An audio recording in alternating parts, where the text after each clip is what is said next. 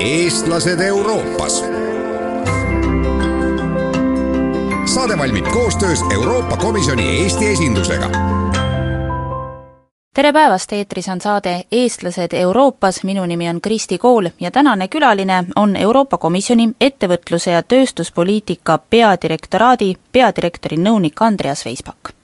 minu peamine eesmärk on võib-olla isegi mitte ainult nõu anda, aga aidata siis peadirektorit kõiges selles, mis ta teeb. ja ma ise, ma jagan oma töö enam-vähem kolmeks, ta on esmajärjekorras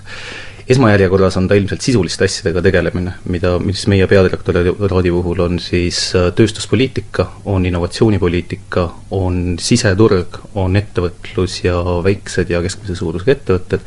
ja on viies, viies on siis isegi mitte kosmosepoliitika, aga ütleme siis kosmosepoliitika rakendamine. ehk siis, ehk siis reaalselt Euroopa satelliidisüsteemide tekitamine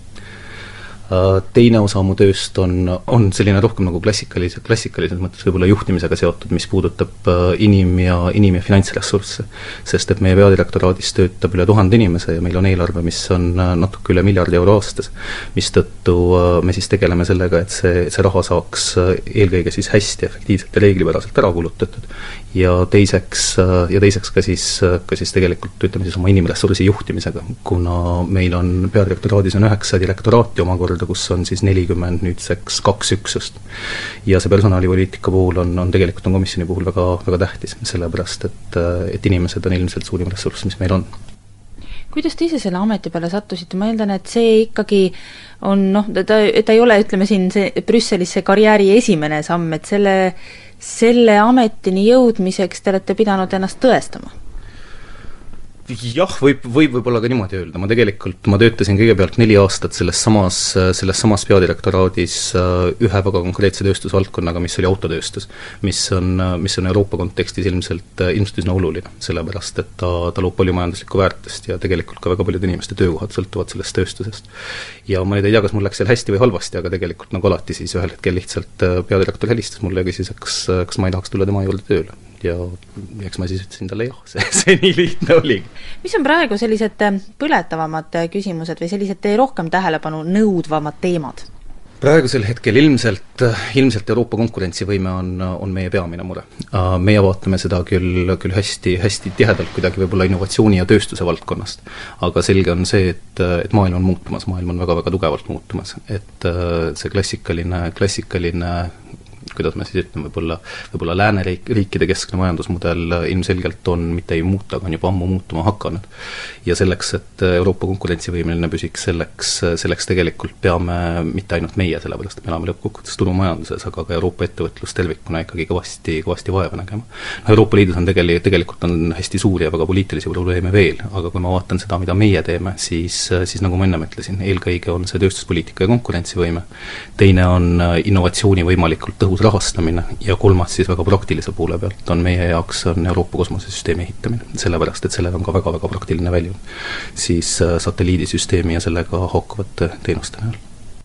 kas sellistes küsimustes kompromissi saavutamine, ma kujutan ette, et paljudel on ju oma arusaam, kuidas oleks kõige õigem äh, rahasid suunata, milliseid suundi kõige prioriteetsem arendada, aga, aga tuleb ju leida mingi kompromiss, tuleb leida kokkulepe?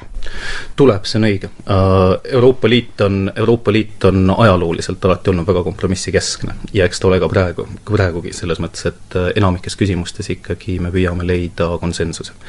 ja seda, ja selleks, et seda saavutada, selleks eelkõige tuleb teha hästi hästi kõvasti eeltööd sellepärast et äh, ma arvan, et see, mille poolest vähemalt, äh, vähemalt siis äh, minu organisatsioon on päris, on päris tugev, on see, et ta konsulteerib hästi-hästi laiapõhjaliselt ja hästi avatult kõikide osapooltega, olgu need siis tööandjad, olgu nad töötajate organisatsioonid, olgu nad liikmesriigid, enne seda, kui me millegagi üldse välja tuleme. nii et konsensuse saavutamine ei ole tingimata lihtne, aga vähemalt, aga meil on võib-olla natuke rohkem liikumisruumi kui, kui mõnes teises valdkonnas, sedavõrd kui väga palju konkurentsivõime poliitikast tegelikult on juhitud liikmesriikide poolt. see tähendab asjad, mis puudutavad maksusüsteemi, mis puudutavad äh, tööturupoliitikat, mis puudutavad, äh, mis tegelikult puudutavad ka haridussüsteemi, on ikkagi, on ikkagi suuresti liikmesriikide kontrolli all. mis tähendab seda, et me, et me üldiselt seame raamistikku, meil on paar väga konkreetset asja, mida me ajame, aga suur osa sellest rakenduslikust poolest jääb tegelikult liikmesriikidele. Äh, seda siis millest lähtuvalt, ma ei teagi, kuidas see on võib-olla natuke tehnilises keeles öeldud, aga selle alusel, mida kutsutakse subsidiaarsusprintsiibiks, mis tähendab seda, et, mis tähendab seda, et kõik otsused tuleks, tuleks langetada siis vastaval, vastaval tasemel ja et Euroopa Liit ei, ei peaks tegelikult otseselt sekkuma asjadesse, mis, mis puudutavad probleeme, mis on väga kohalikud ja on kohalikul tasandil rohkem või paremini lahendatavad, kui, kui nad oleks meie poolt siis vist väga palju sellist ähm, ise väljamõtlemise või improviseerimisvõimalust ei jää, kui raamistikud on paigas, et kui palju nõunikuna te saate oma ideedega lagedale tulla? see on väga hea küsimus ja kui ma ütlen väga hea küsimus, ma tegelikult ei, ei, ei taha öelda, et ma ei, ma ei tea sellele vastust. aga ma arvan, et, ma arvan, et siiski, sellepärast et, sellepärast et iga kompromiss peab paratamatult langetama ka mingisugused valikud lõpuks, sellepärast et et kui, kui kompromiss on, kui kompromiss on nii laiapõhjaline, et ta sobib absoluutselt kõigile, siis tegelikult, siis tegelikult mitte mingisugust suunda või poliitikat ei olegi aga ma arvan, et, ma arvan, et me oleme suutnud vähemalt oma tööstuspoliitilise poole pealt suhteliselt nagu selgelt ära tuvastada need valdkonnad, millega me tegeleda tahame ja tegelikult ka need meetmed, millega me tegeleme. mis siis eelkõige on, on investeeringute, on investeeringute suurendamine Euroopa Liidu jaoks siis strateegilistesse valdkondadesse ja me oleme neist ku-, kuus tükki identifitseerinud, need on kõik tegelikult, tegelikult puhtast, puhtast transpordist kuni, kuni siis moodsate, moodsate tootmistehnoloogiateni. Teine teine pool võib-olla on see, mis puudutab palju-palju konkreetsemalt meie, meie nagu kosmoseprogrammi rakendamist, sellepärast et seal me enam isegi niivõrd ei otsi kompromissi, kui meie eesmärk on, on asju ellu viia. Uh, mis tähendab seda, et, et koostöös siis Euroopa Kosmoseagentuuriga, mis on, mis on Pariisis ja koostöös siis tööstuslike partneritega me tegelikult, me tegelikult uh, juhime ja rahastame nendesamade satelliitide tootmist ja nende, ja nende orbiidile, nende orbiidile suunamist no kosmosepoliitika jääb vist Eestist natuke kaugele, kuigi eh, noh, on tulnud ka ju esimesi uudiseid, et mitte samas ka päris palju. olen, olen kuulnud jah, ta on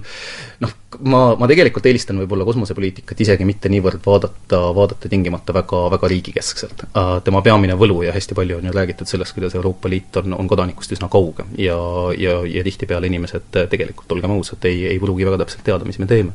siis äh, ma arvan, et kosmose puhul on see võib-olla natuke teistsugune, sest et kosmos äh, mingis mõttes igapäevaselt puudutab meid kõiki. Äh, iga kord, kui, iga kord, kui te olete lennukis ja lennuk maandub, siis tegelikult on satelliiditehnoloogia on see, mis seda maandumist juhib, iga kord, kui te panete oma GPS-i tööle oma autos, siis tegelikult ka see, ka see rajaneb satelliidisüsteemile. nii et vastus sellele küsimusele on, on, on nagu jah ja ei, et ma võib-olla päris, ma päris nagu riiklikult või struktuurselt seda isegi ei vaataks, et ma vaataks seda rohkem, rohkem kodaniku seisukohast ja seda, mis see siis, mis see siis äh, igale inimesele igapäevaselt toob. ma arvan, et seal on see mõju, on tegelikult päris suur.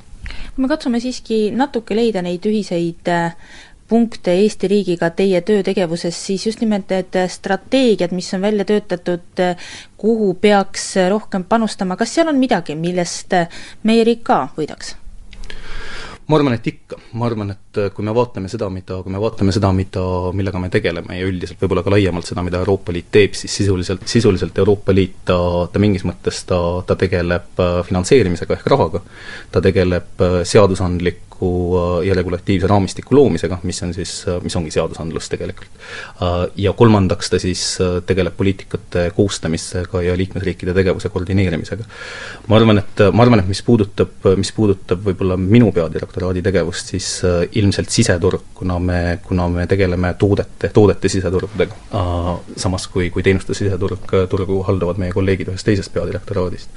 siis ma arvan, et seal arvestades Eesti majanduse väiksust ja seda, kui oluline on, on ekspordi osakaal Eesti, Eesti majandusele, siis mida rohkem me siseturu avatust kaitseme, seda rohkem tegelikult äh, peaksime me looma ka võimalusi Eesti ettevõtetele eksportida, sellepärast et see on, see on ilmselgelt Euroopa Liidu üks, üks põhitalasid, ongi seesama siseturg.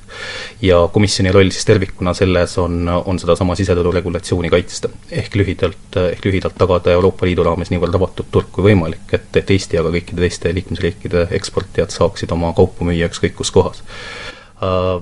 teine, teine punkt võib-olla on siis, on siis konkreetselt läbi, läbi rahastamisprogrammide, mis on tegelikult avatud, avatud Eesti ettevõtetele täpselt samamoodi nagu, nagu ükskõik millise, millise teise, teise riigi ettevõtetele. Ja kolmandaks võib-olla siis poliitilise poole pealt, tuvastades üsna selgelt need valdkonnad, mida, millele Euroopa Liit kavatseb tulevikus rõhuda ja lõppkokkuvõttes ma arvan, et meie ana-, analüütiline baas on suhteliselt, suhteliselt tugev. Annab ta ilmselt ka indikatsiooni Eestis mitte ainult riigi tasandil, aga ka ettevõtetele ja jälle ma ei taha tegelikult võib-olla Eestit tuua konkreetselt välja, sest see kehtib kõikide liikmesriikide puhul. tegelikult ka nendest, nendest valdkondadest, kuhu oleks võib-olla tuleviku osas tõhus investeerida Te ütlesite, et teile meeldib teie töö, aga kas see töö ei ole ka selline pidev vaja, vajadus ennast äh, tõestada, ära jäänud võib-olla nädalavahetused, pidev pinge, sa ei saa ju ennast lõdvaks selle ameti peal ka lasta, just nimelt tuleb õppida, tuleb äh, areneda ja võib-olla olla ka valvel, et keegi teine kuskilt, kes on veel targem ja andekam, välja ei karga lõppkokkuvõttes, lõppkokkuvõttes targemaid ja andekamaid inimesi on alati. Aga see, mis ma kas mu töö on stressirohke, jah, kindlasti on. Kas see tähendab seda, et, et lõõgastuda ei saa, siiski pigem mitte, sellepärast et, sellepärast et üks peamiseid asju, mis ma arvan, ja mida ma tegelikult püüan enda juures lihvida üha rohkem ja rohkem, on oluliste asjade eristamine mitteolulistest asjadest. mis tähendab seda, et kui ma täpselt sama energiaga tegeleksin kõigega, mis, mis mu laua peale tuleb, siis, siis ma oleksingi tööl. Mistõttu see, see valik langetatakse ikkagi üsna kiiresti ja selle, seda valikut pean ma, pean ma langetama ise, pean ma langetama ise uh,. Nii et uh,, nii et ei uh,, kindlasti on, kindlasti on töö, on, on stressirohke, aga ma ei saa, ma ei saa kaevelda selle üle, et, et ma ei saaks tegeleda kas pere või spordi või, või kultuuri või lugemisega või teiste asjadega, mis mulle, mulle huvi pakuvad. aga ilmselt on ikkagi inimesi ka, kes nii-öelda põlevad läbi ja kelle puhul võib-olla te ka kõrvalt näete, et et noh, et ta võib olla hädas või kas, kas neid inimesi saab ka kas neid ka aidatakse või see on tegelikult noh, ongi see, et kui sa niisuguse ameti peale tuled, sa pead olema ise piisavalt tark, sul peab olema, võiks olla mingi oma toetussüsteem, sest muidu sa võidki läbi põleda uh,? Jah, lõppkokkuvõttes, lõppkokkuvõttes me ikkagi valime kõik, kõik endale ise selle töö, mis me teeme uh,. Ja, ja ma arvan, et komisjon on, on oma personalipoliitika koha pealt ikkagi väga-väga sõbralik tööandja. Et et, et kõik see, mis puudutavad, mis puudutavad võimalikke probleeme, mis, mis inimestel võivad töö juures tekkida, on see tugisüsteem on ikkagi, on hästi-hästi tugev. aga, aga jah, nagu ma ütlen, lõppkokkuvõttes me langetame oma valikuid ju ikkagi, ju ikkagi kõik ise. ja, ja kui ma ühel või teisel põhjusel ei peaks tahtma oma tööd enam teha, eks ma võin ju minna ja teha midagi muud et see on, see tegelikult nii lihtne ongi. eestlased Euroopas saade valmib koostöös Euroopa Komisjoni Eesti esindusega